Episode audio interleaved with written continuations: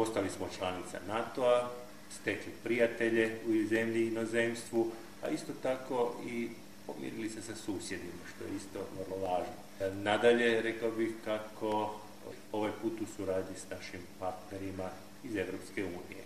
Ponosan sam na ono što je Hrvatska učinila u svom dosadašnjem razvoju, a predan onome što tek moramo učiniti. Između ostalog, naravno, moramo zajedno sa ostalim e, budućnost zajedništva i moramo, što će biti vrlo teško, svladati velikog neprijatelja,